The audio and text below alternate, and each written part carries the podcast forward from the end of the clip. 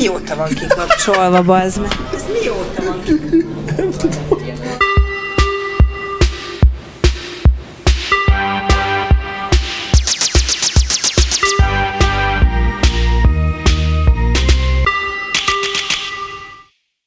25 éves az egyik kedvenc filmem, a Good Will Hunting, és mivel eléggé kapcsolódik a, az előző adásban tárgyalt témakörhöz, úgy gondoltam, hogy jó lenne kicsit erről is beszélni.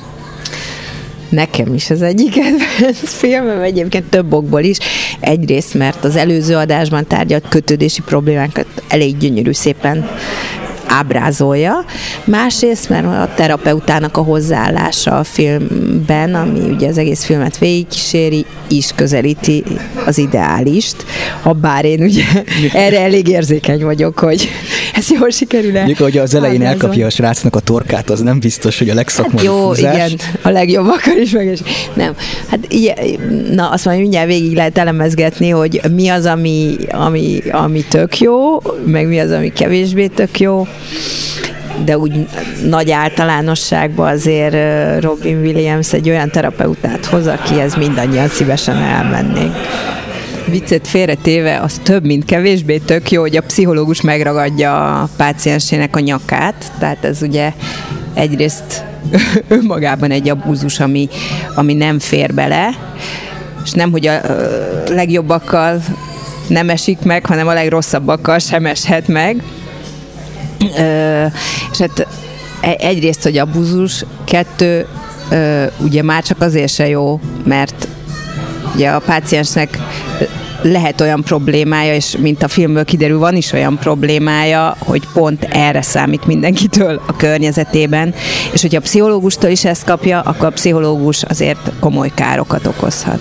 Azért itt már az elején megmutatkozik a Robin Williamsnek a profizmusa és a szakmai kíváncsisága, tehát a korábbi pszichológusokkal szemben, akik elküldték a páciást, benne inkább szakmai kíváncsiság élet fel, és annak ellenére, hogy provokálja őt a, a Will, a feleségével, aki ugye meghalt, gyakorlatilag a terápiás ülés végén azt közli, hogy melyik nap hány óra, mikor lesz a következő alkalom. Ja, hát nincs neki egy erős konkurenciája, hogy úgy mondjam, mert az előző két pszichológus az azért hát so, sok sebből vérzik, azt el lehet mondani. Ugye mind a kettőre igaz az, hogy magukra veszik Vilnek a viselkedését, ami egy óriási szakmai hiba, tehát ugye a, a kliens azért nem azért viselkedik úgy, ahogy viselkedik, hogy most a mi személyünk ellen védsen valamit, hanem minden egyes megnyilvánulásában az ő lelki működése mutatkozik meg. És hogyha ezt nem tudjuk így kezelni, akkor nem tudjuk megőrözni a hidegvérünket, nem tudunk építőleg hatni a kezelés során, és hát ez ugye mind, mind a kettejükre igaz, hogy sikerült Vilnek olyan részt találni a pajzson, amin az elevenükre tapintott, megtalálta azokat a gyenge pontokat, amik bennük voltak, és innentől kezdve ugye ki tudta provokálni gyakorlatilag azt a reakciót, ami neki a fő félelme, mégpedig, hogy elhagyják. Most ezeknél az embereknél nyilván nem volt neki egy nagy veszteség, hogy elhagyták, mert hogy nem, nem voltak a szakmai működéseknek a csúcspontján. De ugye a, ö, igen, szóval a pszichológusnak azért kell önismerettel rendelkeznie, hogy ne menjen el semmilyen interakció ilyen irányba a klienssel, hogy végül is megerősítsük azt, ami benne lévő sérülés, adott esetben ugye elutasítsuk, hanem mindig építőleg tudjunk hatni, és mindig vissza tudjuk forgatni azt, amit ő megnyilvánul, annak érdekében, hogy ő fejlődjön. Tehát én ezt szoktam is mondani, hogy minden, amit mondasz, felhasználható ellened, vagy inkább érted? és ezt a, aztán ugye Robin Williams, az a Sean, későbbiek során ugye e szerint is csinálja, tehát minden adandó alkalommal próbálja ö, átforgatni a Will megnyilvánulásait, mint vele kapcsolatos lényeges ismereteket, amiket visszatükröz. Szerintem az is egy probléma egyébként a korábbiakkal, hogy eleve Willnek egy teljesen mesterséges környezet, amihez ő nem is nagyon akar asszisztálni, hogy ő egy terapeutánál van, és ugye az első kettőnél ben ül vele együtt a professzor is, és ez az intimitás, ami a, a pszichológus és a páciens között, főleg az elején, amikor teljes bizalmatlanság van még, ki kéne alakuljon, ez így eléggé keresztbe van vágva ezzel. Igen, szóval ez az egyiknél van ez azt hiszem, hogy a hipnotizőrnél, hogy konkrétan a két matematikus, akik a kvázi megrendelők, ott ülnek bent a szobában. Na most ez, ez így nem. Tehát ez, ez lehetetlenség. Tehát ez bizalmat olyan szinten keresztbe vágja, hogy hát lehet, tehát ha még nem lennének alapból bizalmi problémái Vilnek, akkor is valószínűleg ettől bizalmatlanná válna, mert hogy a magának a, a térnek, ahol zajlik a kezelés, annak ilyen, ilyen szempontból szűznek kéne lennie, tehát hogy ne, ne rondítson bele senki. Ha már ez a faromuci helyzet van, hogy, hogy nem önszántából ment valaki el egy pszichológushoz, akkor már legalább ne üljön bent az, aki, aki az eredeti megrendelője ennek. Hát igen, mennyire várható el, hogy valaki a legérzékenyebb sérüléseiről beszéljen, úgy, hogy két, ideg, igen, két idegen igen. még ott bennül. Hát az, az meg mondjuk a másik ennél a hipnotizőrnél, hogy én nem tudom, hogy ugye nem tér ki erre a film, hogy pontos az hanyadik alkalom, azért sejtjük, hogy az első, és már az elsőn, ugye ott, ott ül a közönség egy, kettő, kiterítik azt a szerencsétlent ott az ágyon, és már a legmélyebb nem tudom én, bugyraiba, lelkének a bugyraiba akarnak turkálni, hát azért ez nem így működik. Tehát, hogy tényleg az ilyen sérült emberekkel, mint Will, is el lehet oda jutni, hogy egy bizalmi kapcsolat kialakuljon, és legyen mondjuk adott esetben egy elszasonló eljárás, amivel feltárjuk az ilyen mélyebb mozgatórugókat, de nem az első alkalommal, tehát ez még mielőtt kialakulna a bizalmi kapcsolat, ilyet nem lehet csinálni, tehát az egy szakmai hiba mindenképpen meg azért kliens nem nagyon küldünk el. Tehát én úgy gondolom, hogy egy az, hogy önismeret, kettő, szakmailag legyen felkészült a, a pszichológus, hanem az akkor ugye fejlesz a szakmai tudását, de pláne abból kifolyólag, hogy az elevenünkre tapintott, pláne nem küldünk el senkit, szóval az elküldéshez ennél jóval több kell. Ö, mit tudom én, ö, ha valaki a 50-60 perces alkalmakról rendszeresen késik fél órát, akkor is a, nem az az első lépés, hogy azt mondjuk, hogy akkor le is út, fel is út, hanem hogy beszélünk arról, hogy miért lehetetleníti el ezt az, ez az érdemi kezelést. Ugyanígy, hogyha mit tudom én, már az első alkalommal beközli az illető, hogy havonta egyszer akar járni, akkor is elmagyarázhatjuk neki, hogy ez miért nem fog így működni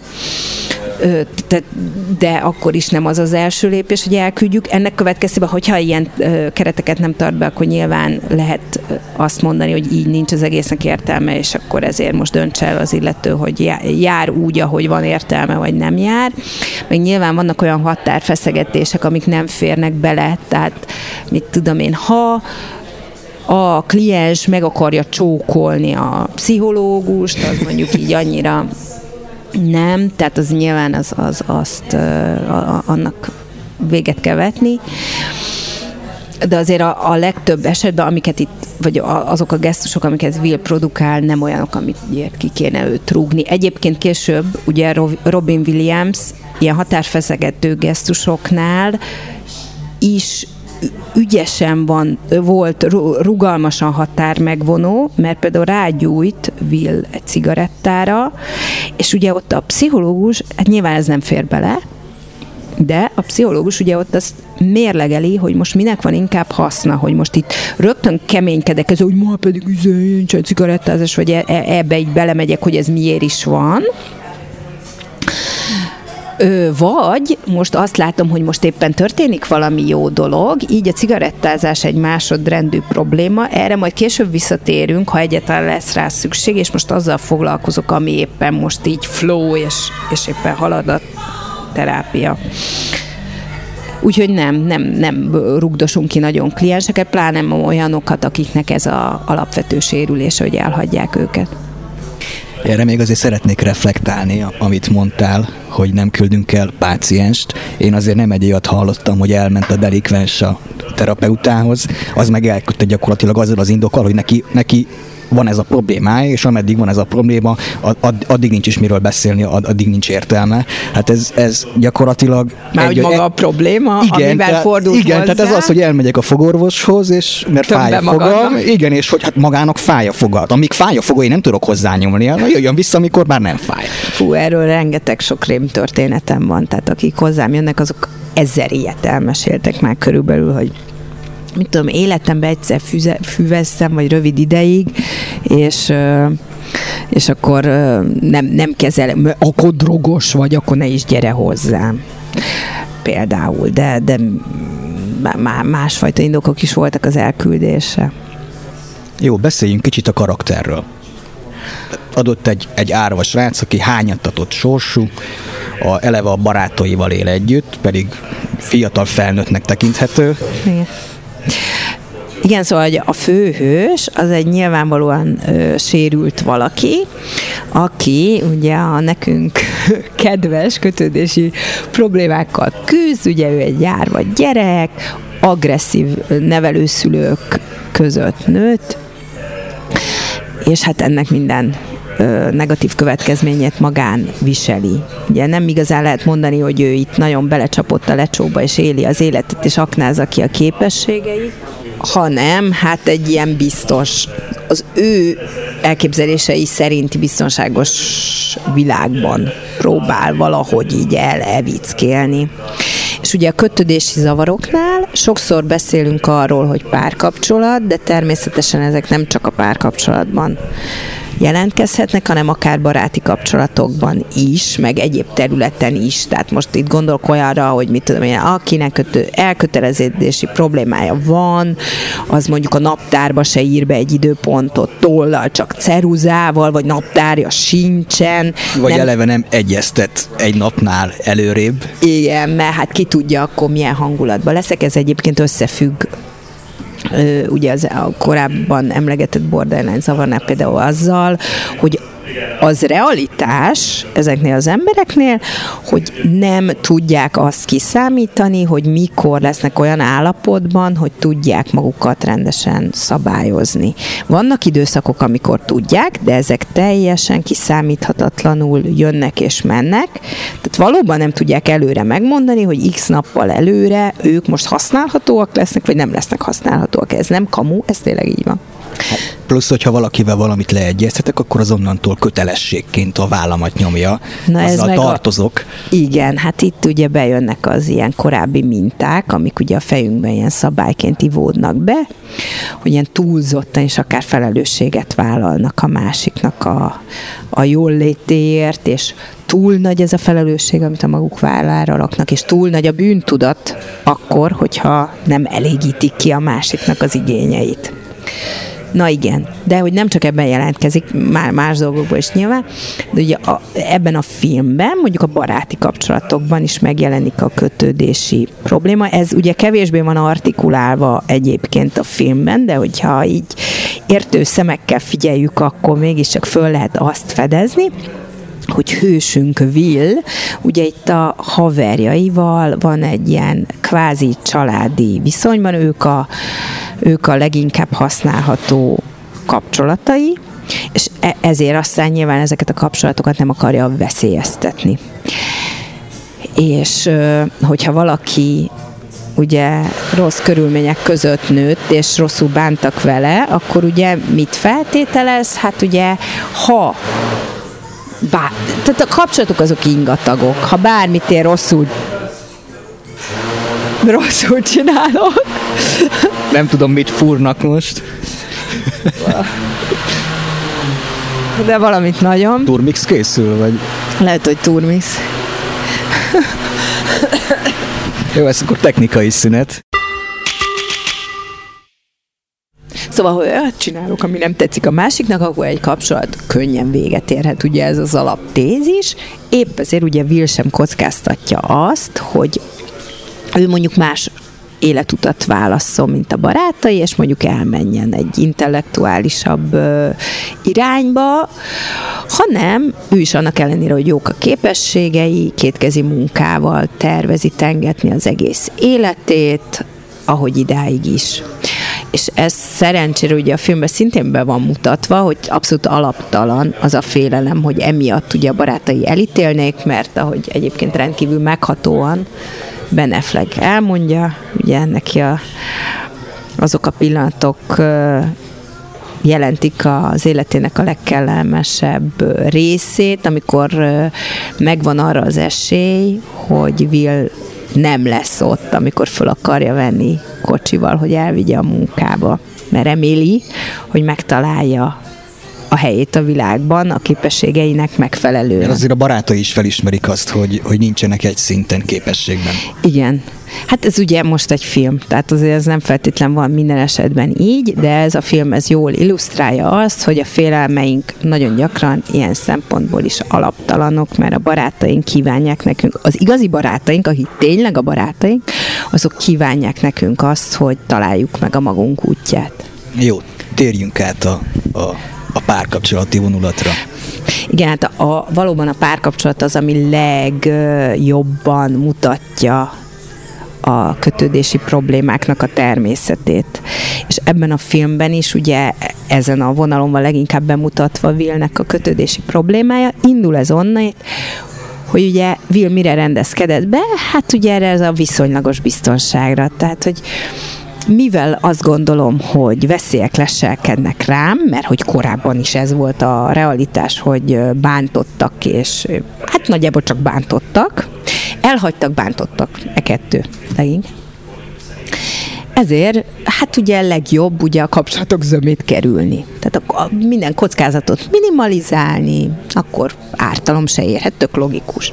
És akkor ennek megfelelően, ö, ugye amikor annak kapcsán, hogy egyébként a, a ö, legjobb barátját megvédi egy ilyen kocsmai ö, kellemetlen szituációban. Kellemetlen szituációtól, ugye megismerkedik egy lányjal, aki ugye egy központi szerepet fog játszani, ugye mit csinál? Will? Hát rohadtul semmit. Tehát ugye ott van a lány, aki ugye láthatólag, mint utóbb kiderül, pláne tetszik neki, de véletlenül sem megy aztán oda célzottan hozzá a kocsmában, hanem a csaj várhatja hosszasan azt, hogy történjen valami, majd aztán nem tűri tovább a várakozást, és hát nagyon kezdeményezően lép föl, és akkor ő adja oda a számát Willnek, és hívja el gyakorlatilag Grandi. mondjuk ez elég ritka, tehát ez a rész mondjuk nem túl igazságszagú.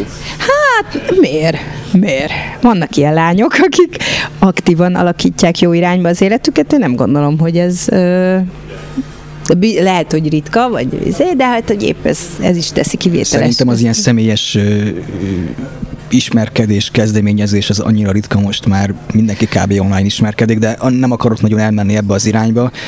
Igen, ez egy sajnálatos. Ez már, ez már egy ritkaságnak igen. számít. A, szem, igen, a személyes ismerkedés az mindenképpen ritkaság. Ugye egy 25 éves filmről beszélünk, tehát akkor még talán ez nem volt egyre. Igen, be, bezzeg a régi szép időkben. Bezzeg a régi szép időkben volt, most tényleg ugye van menekülő útvonal, tehát kockázatmentesen lehet ugye ezeken az online platformokon ismerkedni. Visszautisítás az kellemetlenül nincs, mert egész egyszerűen nem meccselünk össze, és akkor de jó. Ha, akivel meg már összemeccseltünk, az már ugye egy okét nyomott ránk, tehát igen. Úgy, de hogy 25 éve is azért valamennyire kockázatos volt. Egyébként ez is mutatja, hogy ez egy vagány csaj, tehát végülis jó emancipált voltak már a nők, meg izé, meg feminizmus, meg egyenlőség, de azért, azért e- ez, mint ahogy mondottad, azért nem az általános, még akkor is, hogyha van. Ö, igen, szóval Ö, igen, ez is egy kétélő fegyver, vagy ugye ki is fejtem. Igen, mert hát itt az elején már ebből kiderül, hogy a lány azért egy eléggé vibráns személyiség, aki nem csak szellemi partner, hanem azért kommunikációs stílusban is eléggé egyezik a sráccal, tehát eleve, eleve ahogyan felszedi a srácot, akkor azért eléggé alkalmazza a szarkazmust, az iróniát. Igen, hogy ők láthatóan pariban vannak. Tehát, hogy itt e, hasonló színvonalról beszélünk, mind a ketten értelmesek, hasonló mértékben. Mind a ketten, ö, hogy mondjam, tehát ilyen erőteljesebb, bátrabb, mondjuk így. Bizonyos, ugye aztán ugye Will bizonyos értelemben mégse bátor, de de hogy olyan Na, tehát ilyen aktívabbak is tudnak lenni bizonyos helyzetben. Talpra esettek. Mm, ugye Vilnél mindig ezt így végig lehet venni, hogy akkor mennyivel lehet megkérdőjelezni, de igen. Tehát ilyen erőteljesebb fellépése van mind a kettőnek, és ugye azt gondolnánk, hogy két ilyen ember illik össze. Jó, megkapja a csajnak a számát. Felhívja? Hát természetesen nem, hát miért is hívná föl? És akkor ugye ez már a, a terápiás ülésre vezet át, ahol ugye ilyenről szó is van, amikor már ugye a pszichológus ugye elnyerte a bizalmát annyira, hogy elkezdjenek érdemben beszélgetni. Mert ugye egyébként eleve nem önszántából megy el pszichoterápiára, hanem egy, egy verekedés miatt az a szabad lábra helyezésnek a feltétele, hogy ilyen elterelő célzattal x ideig terápiára kell járjon, aminek a végén a terapeuta majd értékeli őt. Igen, hát ugye ez nem egy ideális indítás egy terápiában, hát nem, abszolút nem így. együttműködő, és ugye jó néhány terapeutát megesz reggelire. Igen, egyébként ez még oda visszacsatol, hogy ugye nyilván kell neki egy olyan csaj, aki szintén azért nem egy ilyen reggelire megehető karakter, annak ellenére, hogy nyilván ő jobban biztonságban érzi magát olyanokkal, akik olyan ö, tett ki hat hűjön karakterek.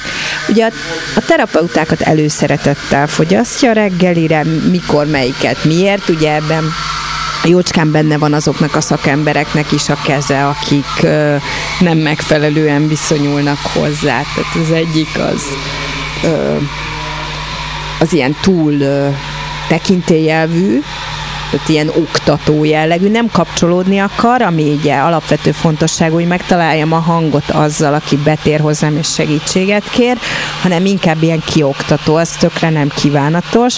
Nyilván ugye Villa okosságának köszönhetően ezt simán le tudja szerelni. A másikat is, aki meg ugye válogat így a kliensek között, és nem tartja kellően könnyű alanynak, és ezért mondja azt, hogy köszönöm, és akkor aztán eljut a, az igazihoz, aki, aki meg hát felveszi a kesztyűt, és el tud vele bánni. Jó, hogy kezdődik a terápia?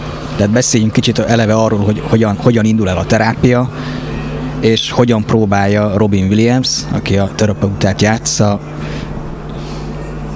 valahogyan felkarolni a srácot, és megtámadni a problémának a gyökerét. Hát egyébként most, hogy kritikával is éljek, nem teljesen jól indul, mert ugye az, ami az elején látszik, hogy ezek a matematikusok, akik ugye Willből ki akarnak sajtolni valamit, azok a megrendelők. Hát ez jó esetben nem így van. Én hasonlóval akkor találkoztam, amikor iskolában dolgoztam, és akkor ott a tanárok panaszolták be a szerintük problémás gyerekeket. Hát rendszerül az derült ki, hogy nem a gyerekek a problémásak, hanem a tanárok. a pedagógusok egyébként szerintem egy külön adást megérnének, szóval Igen. nekem egyetem előtti. Jó, hát ne általánosítsunk, de vannak. igen, van, vannak olyanok, akik megérik a pénzüket, az biztos. Ö, de hogy, hogy nem én azokkal a gyerekekkel, akiket ők problémásnak ítéltek, szót tudtam érteni, és rendkívül együttműködőek voltak az úgymond rossz gyerekek. Tehát, na. Most ebben a részben a pedagógusokkal veszünk össze, az el, előző részben ugye más volt porondon. Nem, hát nyilván, tehát a, a, fel, a dolog feloldás az az, hogy ez nem mindenkire igaz, és van, aki tényleg elhivatott, és jól áll a dologhoz, meg hát vannak rossz példák is. Tehát csak egy részükkel veszünk össze remélhetőleg. Jó, ott tartunk a filmben, hogy, hogy nem hívja fel a csajt. Annak ellenére, hogy megvan a csajnak a száma. Igen, nem hívta fel a csajt. Ö, hát ugye ez mi? Elkerül. Mint az állat. Elkerül, mint az állat. Ugye, hogyha az ember így a nem tudom én, hanyadik világháborúban éli a mindennapjait, mert ezt tapasztalta, akkor a viszonylagos biztonságot az jelenti, hogyha nem vág bele semmibe, mert a bunkerbe beásva éli az életét, mert akkor segbe se lövik. Tehát nyilván nem ő kezdeményez, a csaj kezdeményez, tök jó, és aztán meg ugye a következő lépésként nem hívja föl a jó randi után sem a csajt, annak ellenére, hogy jól érezte magát, és ugye a, a terápiában ő azt elmondja, hogy hát miért van ez? Hát azért, mert ö, tart tőle, hogy most ugyan tökéletesnek gondolja a csajt, de nem akarja, hogy csalódjon. ilyenkor már, ekkora már megvan a megfelelő kapcsolat a terapeutával, vagy hát alakulóban van, vagy annyira megvan a megfelelő, hogy a lényegről beszéljenek, és akkor ugye ő azt mondja erre, megfordítja a helyzetet, hogy nem lehet hogy arról van szó, te csak nem ezt mondja, hogy projektálsz, hogy kivetíted a másikra azt, amitől félsz, hanem ezt elmondja magyarul, vagy ugye eredetiben angolul, hogy... Azért ez az is kell, hogy a terapeuta is nagyjából egyenlő intellektuson legyen egyébként, mind a, mind a páciens. Szóval azért a, azok a terapeuták, akiket ő meget reggelire, azért nagyon nem voltak egy, egy hát színvonalon észben a sráccal. Sem, meg szakmai felkészültségben sem, meg semmiben sem voltak pariban. Na ő igen, és ő ugye levágja azt, hogy itt arról van szó, hogy igazából Will fél attól, hogy ő nem fog megfelelni a csajnak. Igen. És akkor Will még, még ekkor a bunkerban van, csak a bunker amellett, hogy biztonságot nyújt, azért a, a nap sem süt be, és, és mégis megkeresi a csajt. Hát a, a, na várjunk, de az, ezt azért megelőzi. Ott még nem tartunk? Az, a, az az egyébként úgy tudom, hogy improvizációja a filmben, ami ugye arról szól, hogy ő elsztorizza, hogy ő a saját feleségével hogy volt. Hát itt, itt azért arra kitérnék, hogy ez azért nem egy tipikus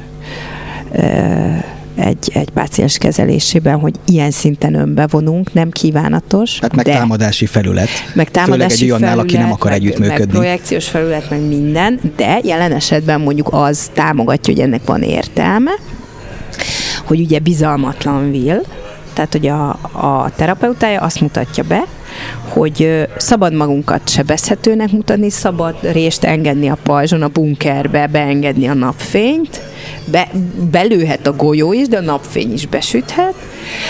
Ö, egyrészt ugye a, már a maga önfeltárásra lesz az üzenetet közvetíti, másrészt azzal közvetíti ezt, amit elmond, hogy ő a feleségében azt, hogy fingott, ha ideges volt, nem még rossznak. aludt is, egyébként még aludt is. Álmában, sőt, még föl is ébredt tőle.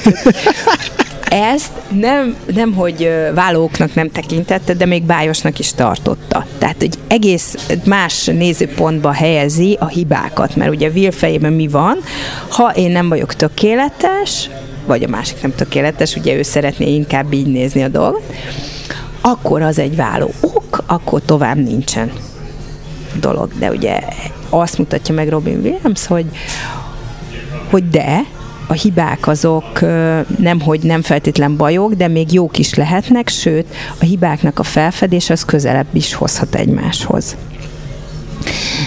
És hát ez azért elgondolkodtató. Úgyhogy tovább is megy ezáltal a, a kapcsolata a leányjal elég impulzívan megjegyzem. Tehát megjelenik az egyetemi kampuszon, megtudakolja, hogy, hogy melyik a csajnak a kollégiumi szobája, és gyakorlatilag tanulás közben így betör a, a szobájába az ajtón. Tehát az impulzivitáson nem vagyunk meglepődve, és rögtön mindent akar, tehát azonnal dobjon el mindent a csaj a kezéből, ennek érdekében még ott meg, megoldja azokat a nem tudom én már milyen feladatokat is, amikkel a csaj küzdik, csak hogy vele legyen a csaj. Egyébként ugye ez se ritka, hogy akkor ugye ez a 0-24 legyünk együtt, meg azonnal legyünk együtt, meg ahogy akarom, úgy legyen, ez a hozzáállás van. Hát meg nehogy tervezzük meg előre. Hát szóval... Hát arról nem beszélve, hogy ne tervezzük meg előre, tehát akkor ugye ülnék itt tűkön, és akkor izgulni kéne, meg ki tudja akkor hogyan leszek. Hát amikor én úgy érzem, hogy formában vagyok, és motivált vagyok, akkor ott feltűnök, és akkor ez, ezzel, éjjel ezzel a lehetőséggel, és akkor hát ugye így végül is akkor beindul ez a dolog, egészen addig, míg ugye tovább nem akarja a csaj gördíteni ezt a kapcsolatot, és föl nem veti azt a rettenetesen félelmetes esetőséget, hogy menjen vele hősünk Kaliforniába, ahova ő orvosi egyetemre igyekszik. Hát az azért nem egy jó ötlet. Isten De... hát, éppen, hogy csak így valahogy így elmertük kezdeni ezt a dolgot, és már így belevágni valami közös dolog, ma hát... Ugye szó volt az előző adásban arról, hogy így mindannyian hajlamosak vagyunk benne ragadni mondjuk egy ilyen kimondatlan pseudo kapcsolatban, ahol mondjuk a másik valamilyen szinten így bizonytalanságban tart minket, és mivel mindig a másikon gondolkodunk, akkor ebből nyilván egyenesen mi következik, mindig a másikra gondolok, tehát szerelmes vagyok. Most kicsit, kicsit fejtsük ezt ki, szóval egyrészt nem ez az egyetlen komponens, szóval önmagában emiatt csak nem fogjuk azt érezni, meg gondolni, hogy szeretjük a másikat. Tehát ugyanannyira kell azért a jó is, mint a rossz. Tehát egy ilyen kétélű penge ez, tehát azért egy bizonyos biztonságot is nyújt. Jó, hát ugye van ez az ellentmondásos Will, és akkor gondolhatnánk, hogy Mini Driver, aki a női főhős, hát az ugye kizárólag amiatt akar vele lenni, mert hogy totál zavarodott, és ezen gondolkodik, ugye azért ezt nem, tehát már előző adásban se ezt akartam állítani, hanem ugye ez is egy összetevő. A, ami inkább közelíti a valóságot, az az, hogy általában a korai gondviselőink jó és rossz tulajdonságaiból gyúrt képet tekintjük egy olyan sablonnak, amivel való minél nagyobb egyezés okozza minél nagyobb vonzalmat. Tehát kellenek jó tulajdonságok is, valós jó tulajdonságok, és hát nem vitathatjuk, hogy ennek a Vilnek vannak ilyenjei, mert hát intelligens, mert egyébként vicces, mert egyébként úgy jól együtt tudnak szórakozni ezzel a lányjal, tehát egy érdekes ember.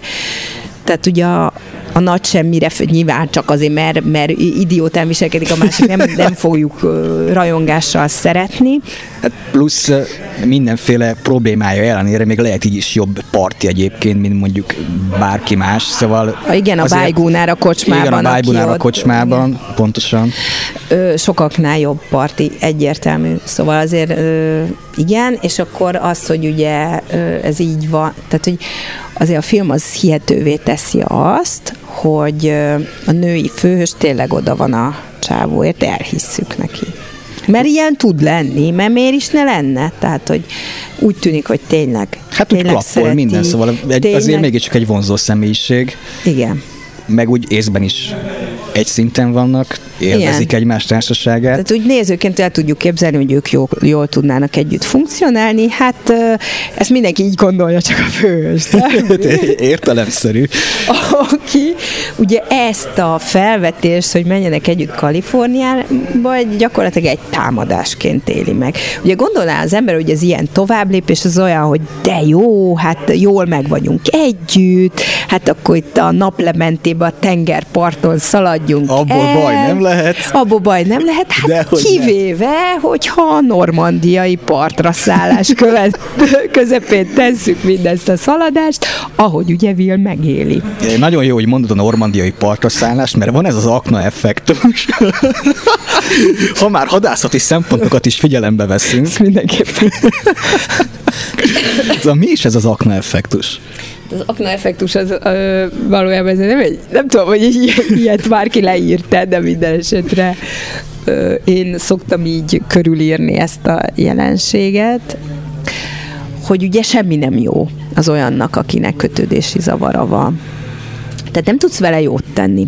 Ugye az egyértelmű, hogyha rosszat teszel vele, tehát visszaigazolod az ő nézeteit, az hogy rossz. el fognak hagyni, bántani fognak, az rossz. Tehát, és ráadásul ugye ezeket felnagyítva észékeli, tehát bármi, ami minimálisan is enged következtetni arra, hogy bántás van, meg, meg elhagyás van, lásd 5 perc késés, amit a múltkor emlegettünk, akkor az már rossz. De nem csak ez a rossz, hanem a jó is rossz amit ugye nem gondolnánk. Mert az már meg túl jó. Na igen, hát a jó az, nem, hát a jó az nincsen ingyen. Ugye ezt, ezt is már valamelyest megpennítettük, tehát hogy a, ugye a jó, az mit feltételez? Hát hogyha ha itt, itt most nagyon jó, és a másik akar hozzám közelíteni, mint ugye itt a női főhős, és azt akarja, hogy így még inkább összefonódjon a, a mi kettőnk életek, még inkább egymásra utaltak legyünk, akkor az veszélyes. Hát az, akkor, ha, ha kapcsolódunk, akkor fennáll a veszélye annak, hogy mindaz, amit mi a kapcsolathoz asszociálunk, az előáll.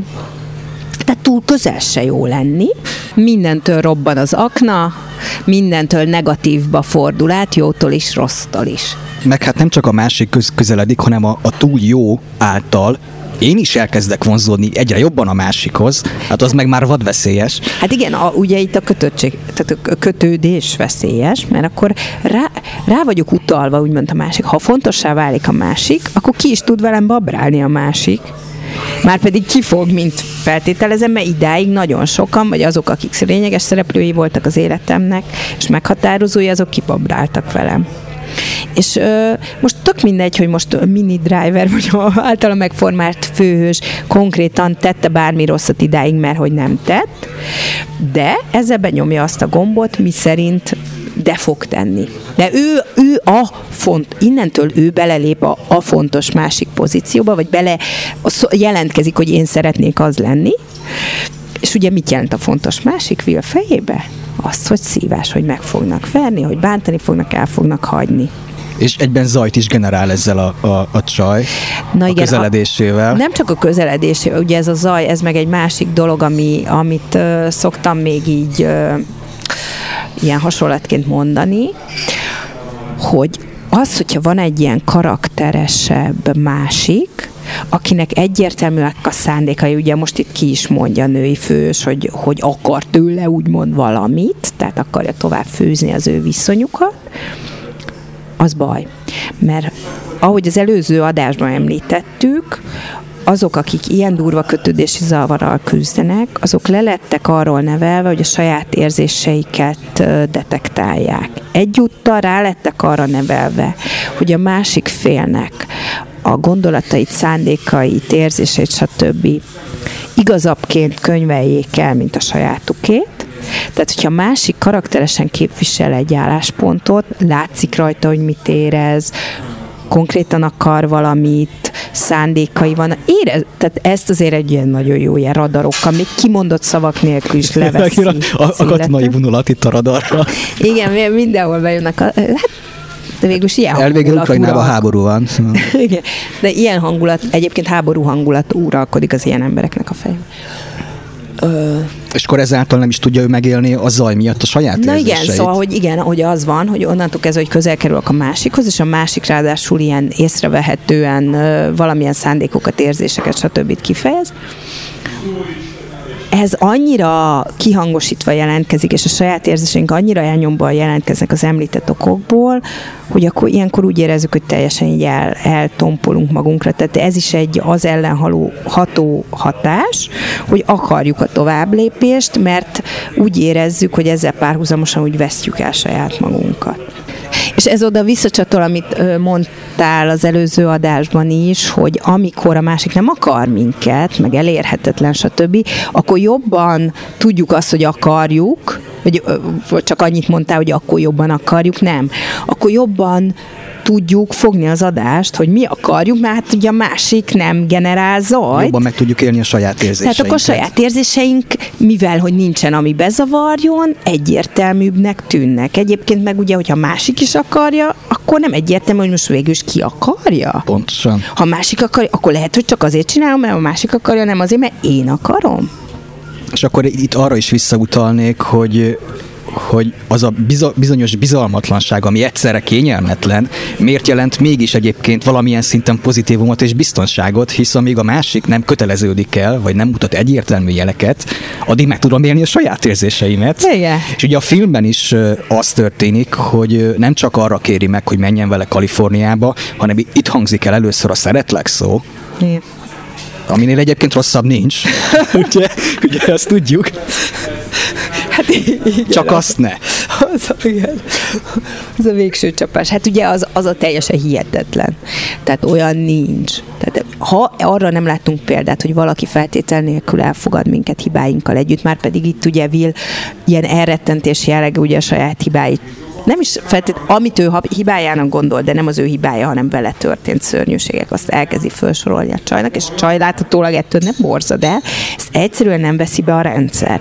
Tehát, hogyha valakinek nagyon erősek a sérülései, azok olyanok, hogy azok egy ilyen, tehát az ember ezek által a sérülések által ilyen saját műsort szolgáltat, lemegy a redőny, a külvilágnak a behatása az tök mindegy. Nem, én már pedig azt gondolom, hogy a világ erről szól, hogy engem nem lehet elfogadni, engem nem lehet így pláne feltétel nélkül nem lehet szeretni, és akkor már veri is mellette a falat, meg minden, hogy hát nem mond... az impulzivitás is nagyon a, szépen az megmutatkozik. is ugye ki, kibontakozik, de hogy, hogy úgy sem, nem mond, hogy így van, úgy sem hiszem el, és tényleg nem hiszi. Tehát ezt nem veszi be az agy, nem tudja a rendszer így integrálni, hogy ellentmondó információ megy be az agyba, mint az, hogy, hogy izé engem csak bántani lehet, vagy csak feltételekkel lehet elfogadni. Tehát ez egyszerűen nem, és ez olyan szintű feszültséget szül ez az ellentmondás, és ugye az ambivalencia az mindig szorongást szül, hogy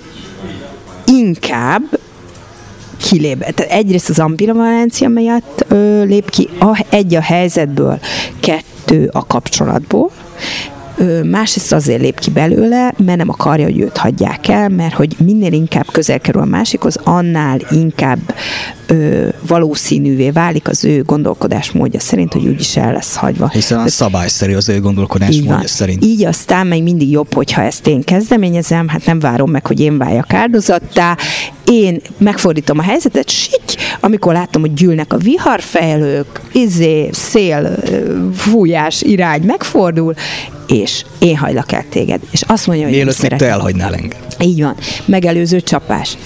Hadászatilag. És akkor... Hát ugye azt mondja, hogy nem szereti. Pontosan mert... itt ugye a, a csaj mondja, vagy azt várná, hogy akkor majd a srác viszonozza. Igen, mikor de mondja hát neki, nem. hogy szeretlek, és nem, ehelyett ugye elviharzik a szobából, Igen. és így egy ilyen fagyott hangulatot hagy maga után, és amit mondtál, hogy így a rossz tulajdonságait hangsúlyozza, ugye sorolja az anyagi helyzetét, hogy nem hiszi el, hogy a csaj arra kíváncsi, hogy ő, őt hogy verték a, a nevelőszülei, Igen. hogy a nevelőapja cigicsikeket tolt el a bőrén, és a többi, és a többi. Igen. Egyébként ez, hogy a pénzre így ráirányítja a figyelmet, az is egy nem ritka dolog, tehát az olyan, mint a múltkori adásban, hogy mondtam, hogy a fületlen sörös korsó. Tehát jó valami konkrét dologra rávetíteni a szorongásainkat. Ugye Vilnek mi az alaptézise? Nem vagyok elég. Rosszul bántak velem, valami baj van velem, nyilván nem vagyok elég ahhoz, hogy szeressenek. Ugye ez az, amit ő valójában gondol. És ugye ez azért nem túl konkrét, ezen nincs mit kezdeni, tehát jobb találni valami bűnbakot, hát legyen ez a pénz. Tehát az egy nyilvánvaló különbség a csaj és ő közte, hogy a csajnak jobb az anyagi helyzete. Hát mi a csajnak a baja? Hát, hogy ő szegény, hát akkor majd biztos az lesz a megoldás, hogy a csaj megtalálja a hozzávaló gazdag csávót, és akkor azzal lesznek ők egyenesben. De hát ez csak egy ilyen mondva csinált dolog. Ez, Meg hát ez jó a szorongás. hiszen ez, egy annyira megkérdőjelezhetetlen egyértelmű tény, hogy ebbe azért elég könnyű belakapaszkodni. Hát Hát ja, ja. Igen, úgyhogy kreatív az emberi elme.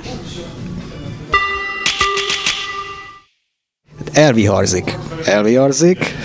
Na igen, ugye itt van ez, hogy akkor most felmerül a kérdés, szereti, nem szereti a csajt. Hát ugye azért sejtjük, hogy a dolog mélyén azért valójában szereti, de tud olyan, nem, ugye erre nem tér ki a film, hogy épp adott pillanatban mit érez a csávó, de ugye itt két verzió lehetséges, vagy akkor is tudja, hogy szereti, B verzió akkor nem tudja, hogy szereti, hanem azt gondolja, hogy nem szereti, és akkor tényleg nem szereti, tehát tud ilyen lenni, ugye a múltkor is ezt így elemezgettük, tehát tök őszintén tud az lenni, hogy az az ambivalencia, amit az ellentétes érzések szülnek, illetve a nyomás, amit úgymond rá lett helyezve, hogy itt tovább kéne lépni, meg az a rettegés, hogy az fog megismétlődni, amit már tapasztalt és rossz volt, az azt eredményezi, hogy tényleg leértékeli magában a csajt és ezt az egészet, és tényleg azt éli meg, hogy nem szereti a másikat. Ez tud lenni.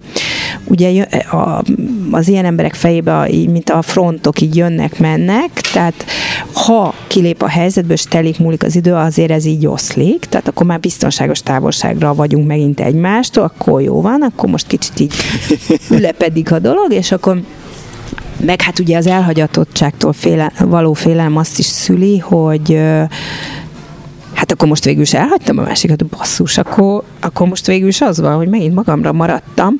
akkor megint ugye kezdünk átcsapni a másik pólusba, tehát akkor valószínűleg a meglévő és nem meglévő pozitív érzések is erősödni fognak. Hát plusz azáltal, hogy a másik kilépett, vagy hát én kiléptettem a, a képletből, Igen. újra el meg tudom élni a saját, igen. saját érzéseimet, mert is. ő már nem nyomja az én aknámat, szóval... I- igen, így, így most már tudom, tudhatom, hogy hát ugye mivel más itt nem érez, ezért aztán ami, ami így érződik, az biztos, hogy belőlem jön.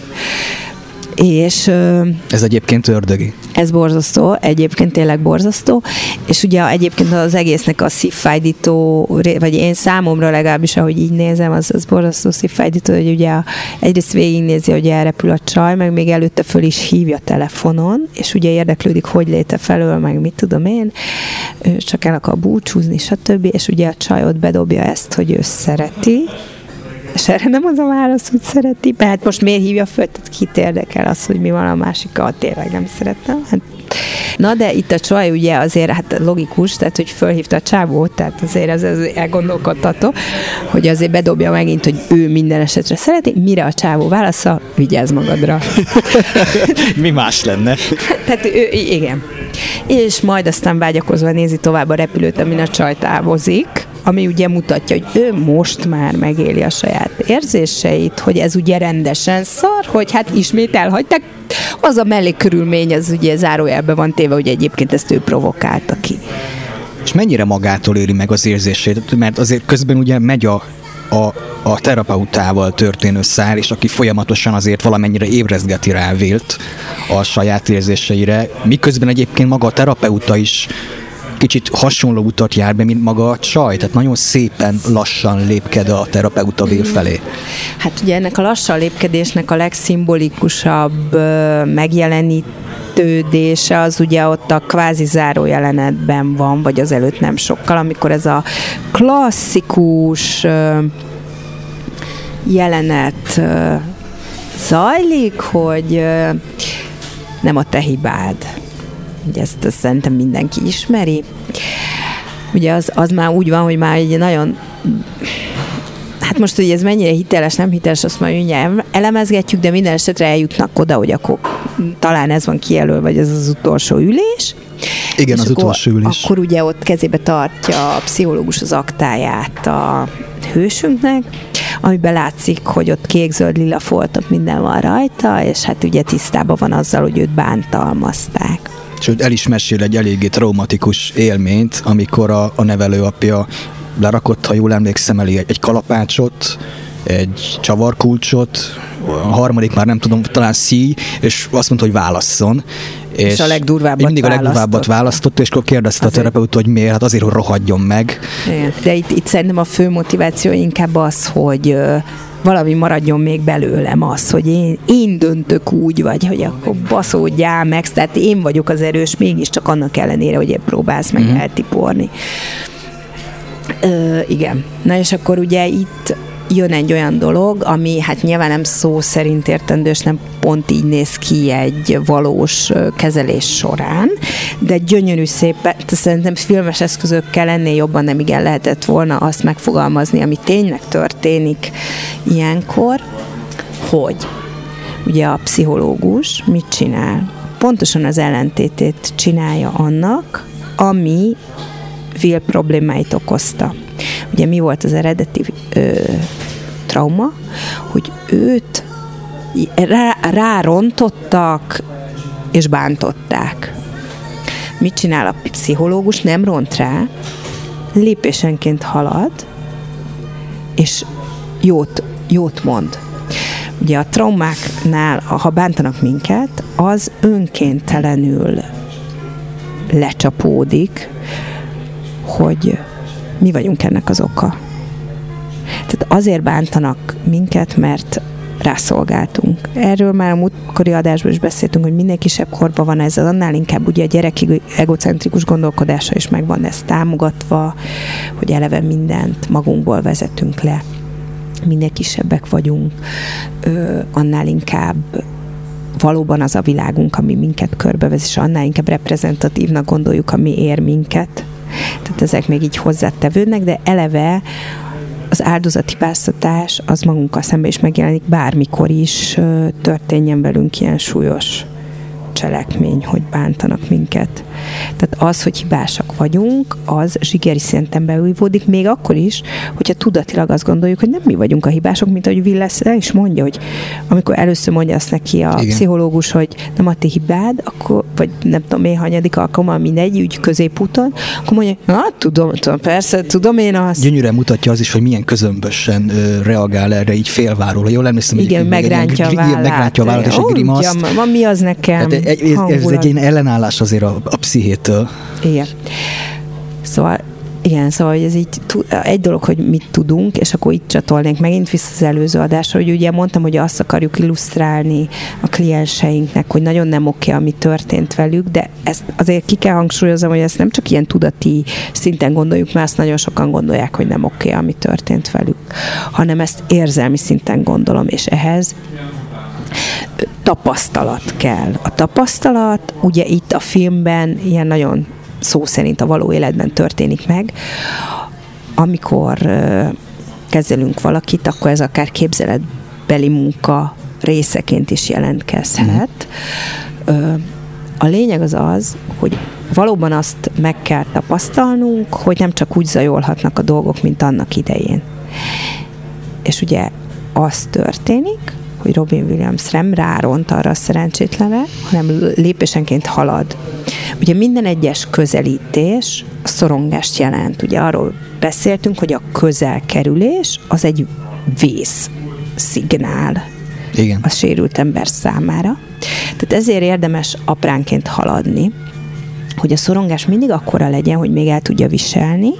Minden egyes adag, pici szorongás végén legyen egy megkönnyebbülés, hogy hoppá, most picit szorongtam, tudtam ezt így úgy, ahogy kontrollálni, ez nem volt annyira vészes, de ö, még ráadásul a végén az derült ki, hogy ez megérte, mert nem az lett a következmény, amit én eredetileg feltételeztem, hogy bántani fognak, hanem most ugye a jelen esetben, ami elhangzik, hogy nem a te, hibád. Tehát valami pozitív dolog történt. És ezeknek a pozitív tapasztalatoknak gyors egymás utánban kell történnie, ahhoz, hogy az embernek a bizalma megedződjön, úgy, mint egy izom. Ez olyan, hogy ha elmegy az ember testedzeni, akkor azt is gyakran kell tenni, mert egyébként, ha egy hónapban egyszer jársz el mozogni, az olyan, mintha mindig előről kezdenéd, és akkor tud egy izom erősödni, hogyha mit tudom én heti párszor eljársz, vagy legalább egyszer, de inkább többször hogy ezeknek ugye az élményeknek így, hogy lépcsőzetesen egymásra kell épülnie, és ez, ezt is tök jól bemutatja ez a jelenet. Egymás után ismétli ezt a üzenetet, hogy nem a te közelebb, közeledek hozzád, és közben nem bántalak, hanem épp ellenkezőleg azt mondom, hogy nem a te hibád. Egész addig, amíg ők össze nem találkoznak. És aztán össze is ölelkeznek ami most megint nem egy szó szerint értendő dolog, mert való életbe azért ezt nem, nem nagyon tapizzuk azért a pácienseket. Ez jó, megint egy ilyen dramaturgiai részlet. Az még egy ilyen trigger is tud lenni, tehát ez egy, igen, tehát ez egy filmes megjelenítési forma, de mondjuk, hogyha képzeletben csinálunk olyat, hogy valaki mondjuk az tök tipikus, hogy a felnőtt önmaga a gyerek önmagát a kliensnek megvigasztalja, és azt csinálja ezt meg vele, mint Robin Williams a filmben Villel. Most itt keverem a, a szereplők nevét, meg a színészek nevét, de tök mindegy. Robin Williams annyira önmaga, hogy, hogy nem is tudom, mi Sean, vagy hogy hívják? A, Sean, igen. Sean. Ö, azért, azért cserélgetem. Szóval, hogy ö, képzeletben zajlik ugyanez, hogy a, felnőtt önmaga a kliensnek, ugyanígy megközelíti a gyerek önmagát, és megadja neki, amire szüksége lenne. Tehát inkább ez a tipikus, nem az, hogy szó szerint mi oda megyünk és összeborulunk a páciensünkkel, ez, ez nem igen fordul elő talán így oda is üt, vagy így eltartja, igen, vagy ugye valami, megint tehát a, még igen, egy ilyen utolsó pontosan. izé, és ugye még az is egy gyógyít, hogy arra ugye nem agresszió, agressziót szül alapból, de mégse azzal válaszol rá, tehát az még az utolsó csapás, és utána ölelkeznek össze.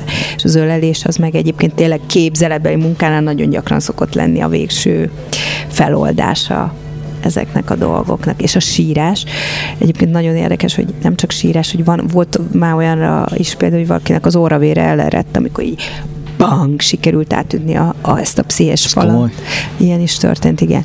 Szóval nagyon durva, tehát tényleg ilyen fizikai, amikor így átszakad egy gát, a sírás az, az szinte az esetek száz százalékában van, amikor beérkezik az üzenet, és bang, és tényleg ilyen borzasztó erős élmény. Tehát én speciál így ö, pszichológusként ezt ilyen, ö, hát ha, ha valaki hatódott meg a Goodwill Huntingon, az úgy kb. átérezheti, hogy én mit érezzek egy-egy ilyen szeánsz alkalmával, tehát ez ilyen nagyon erős élmény tud lenni, hogy csak ez, ez így bele kell, hogy szőjem, hogy így egyszerre vagy nézője egy ilyen jelenetnek, egyszerre vagy adott esetben résztvevője, ha segíteni kell a kliensedet és belépni Igen. mondjuk egy elképzelt jelenetbe, egyszerre vagy rendezője, mert úgy irányítod is, hogy mire kell odafigyelni ez egész egy ilyen tök interaktív és ilyen borzasztó durva élmény. Tényleg üt. És mondtad ezt, hogy bizonyos keretek között kell, elviselhető keretek között kell tartani a szorongást. Mennyire könnyű ezt belőni?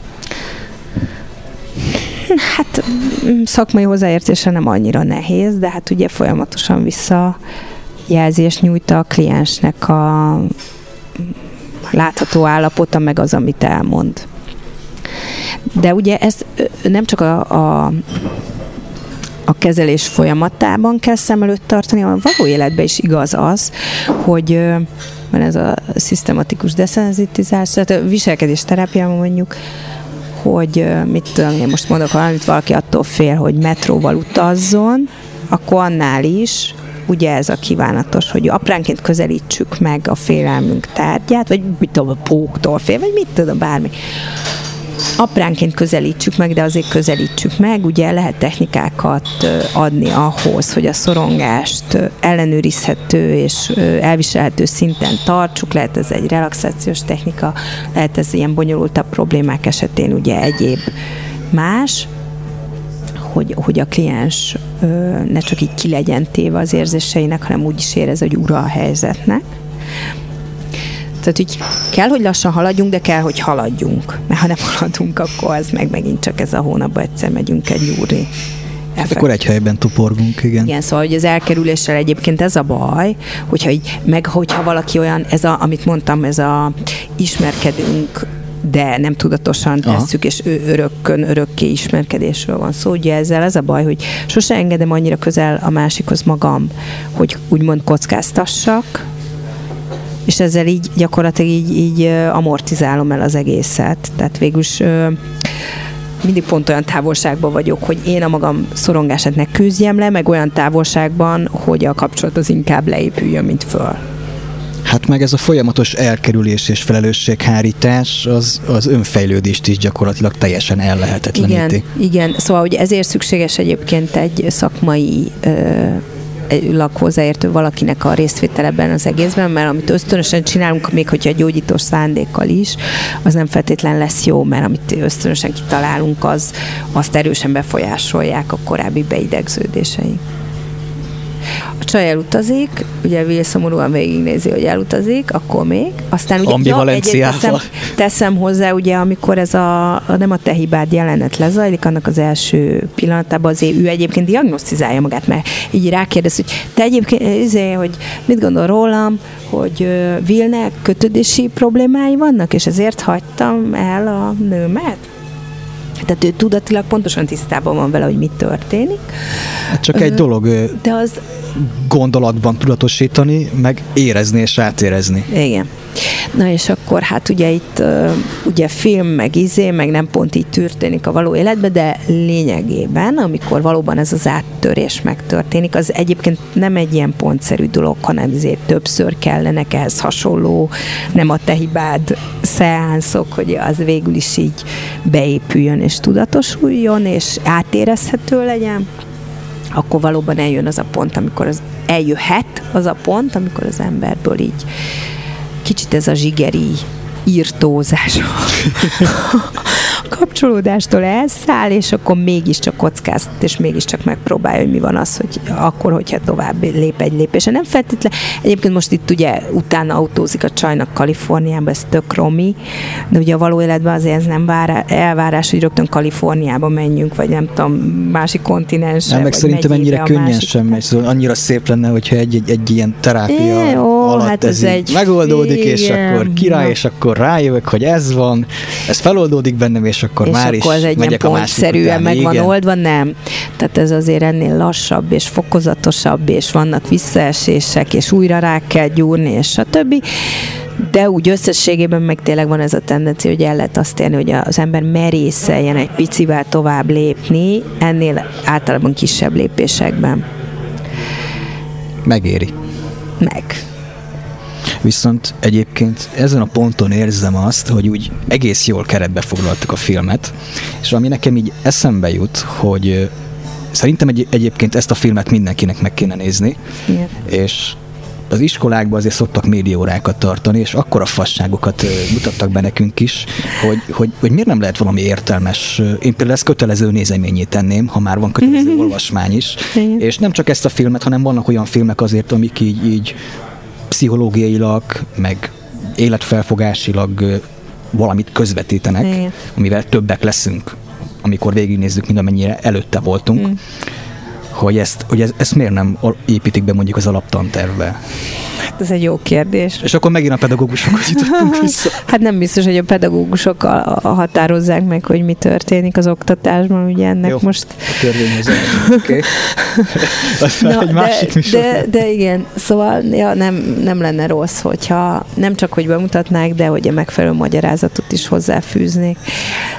Minden esetre, hát most bármi is történik így a fősodor szerint mi, hát ugye... Alternatív edukáció. Alternatív célral. edukációval azért elővehetjük azokat a, a filmeket és témákat, amik ö, építőleg hathatnak a népre. És én erre is bátorítanék egyébként mindenkit, hogy ha teheti, és van rá ingerülete, amíg friss ez a beszélgetés a fejébe, tényleg nézze meg ezt a filmet. Viszonylag szerintem könnyen be tudja szerezni bárki, és kösse össze a, a mondandókat a filmnek a különböző részeivel. Én azt gondolom, hogy akkor képez az egy ilyen egészet. Hmm. Lehet, hogy még akkor is, hogyha láttam, mert ha x évvel ezelőtt láttam egy filmet, újra megnézem, azért mindig kicsit másabb aspektusban tudom, újabb Igen. részleteket fedezek fel. Igen, egyébként most jutnak eszembe még egyéb részletek, amit lehetne ennek a filmnek kapcsán említeni, de azok nem annyira karakteresek, mint amiről beszéltünk, és nem annyira lényegesek, úgyhogy... Hát szerintem egyébként még két részt is össze lehetne rakni ebből a filmből. Hát még az is lehet, hogy folytatni fogjuk. Igen, nagyon messze szárnyalunk, viszont elhanyagultuk a napi butharovatot, Igen. és én szeretnék egy, egy kis szünetet tartani, és utána butházzuk meg a népet. Jó. Itt is vagyunk, és én közben találtam egy ilyet, hogy minden okkal történik, ami egyébként a másik változata annak, hogy a sors is így akarta. Ó, ez milyen megnyugtató ezt hallani, hogy bármi, amit teszünk, az végül is egy ilyen hát egy ilyen nagy cél része, mégpedig jó célé, jó cél érdekében történik. Hát ez, ez körülbelül az a gondolkodás, ami a gyerekekre jellemző. Nem szeretnénk ugye bizonytalan körülmények között. Nőni, nem szeretnénk, hogyha rossz dolgok történhetnének velünk, és ezért vagy azt szeretjük gondolni, hogy minden a lehető legnagyobb rendben van, ugye végülis ez is ezt sugalja. Ja, szó szerint értelmezzük, akkor ez így fizikailag amúgy igaz, mert minden valami kölcsönhatásnak az eredménye az ősrobbanás óta, de gyanítom, aki ezt használja, az nem ilyen értelemben érti. Nem, itt inkább nem arról, tehát hogy itt az okot meg a célt keverjük. Tehát minden valaminek a következménye oké, okay. lehet hülyeség következménye is, és lehet rossz döntés is valami, de ugye ez a mondás ugye azt maszatolja, hogy mintha ilyen nem lehetne, hogy rossz döntés, minden, amit már eldöntöttünk, az jó van úgy, mert ez majd egy hosszú távú szuper célunkat fogja szolgálni. Na hát ez nyilvánvalóan nem igaz, vagy hát az eset, de biztos, hogy úgy nem igaz, hogy az esetek százszerzalékára nem igaz, egyes esetekben hát, ha igen, de, de azért bőven nem Ez ilyen sovány vigasz. Hát igen, ez elég sovány vigasz, meg, meg ugye rossz irányba vihet el, mert ugye a mai adásunk egésze, meg még az előző is kb. arról szólt, hogy az emberek ugye korábbi rossz tapasztalataik miatt milyen rossz döntéseket hoznak, mert azt feltételezik, hogy a jövő is úgy fog folytatódni, ahogy a múltjuk zajlott. És arról is beszéltünk, hogy mennyire össze-visszán ilyen impulzusszerűen reagálhatunk bizonyos helyzetekben, messze nem jó döntéseket hozva, és hát ez a mondás ugye kiváló ideológia lehet ahhoz, hogy a hülye döntéseinket megtámogassuk. Persze, mert ha minden okkal történik, akkor igazából nekem sincs benne felelősségem, mert hát a sors is így akarta. Igen, szóval na, ez egy általános ilyen emberi ö, pszichés szükséglet, hogy szeretnénk magunkat következetesnek gondolni. Tehát azért rossz arra gondolni, hogy úgy küldtem el mondjuk valakit, hogy nem kellett volna elküldenem, vagy úgy borzasztottam el valakit, tehát inkább jobb ezt gondolni, hogy hát igen, hát ha még így volt, de hát ez végül is jó lesz, mert hát akkor ezek szerint nem ez az ember az én emberem, majd valaki, aki kellően nagyszerű, az csak a lehető legjobbat fogja belőlem kiváltani, és amellett fogok letszövekelni, pedig ez korán sem biztos, hogy így van, sőt, szinte biztos, hogy nem így van.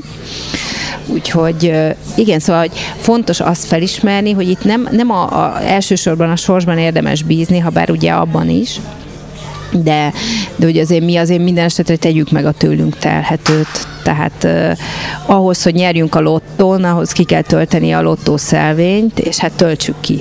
És ez pszichológiai értelemben nem csak egy pár szám behúzását jelenti, hanem valamilyen kitartó munkát vagy ugye vizsgálni is, ugye ki, kinek van szerencséje a vizsgáztatóknál, annak, aki készült, már annak, aki egyáltalán nem készült, nincs azért arra esélye, hogy csillagos ötöst kapjon, akinek fogalma nincs a témáról. Amúgy kötődési zavaroknál ez inkább úgy néz ki, hogy minden sokkal történik, nem? hát igen hogy igen, jönnek, jönnek ezek a kisülések, ezek a sok hatások, aknára ide-oda lépünk, hirtelen támad egy impulzusunk, döntünk valamit, és utólag ugye nagyon sokan gyártunk valamilyen ideológiát ahhoz, amit tettünk pont így volt a jó, nekünk nincsen keresni valunk egymás mellett, stb. stb. pedig korán sem biztos, hogy így van. Úgy érezzük, hogy ezzel rendet raktunk a fejünkbe. Így.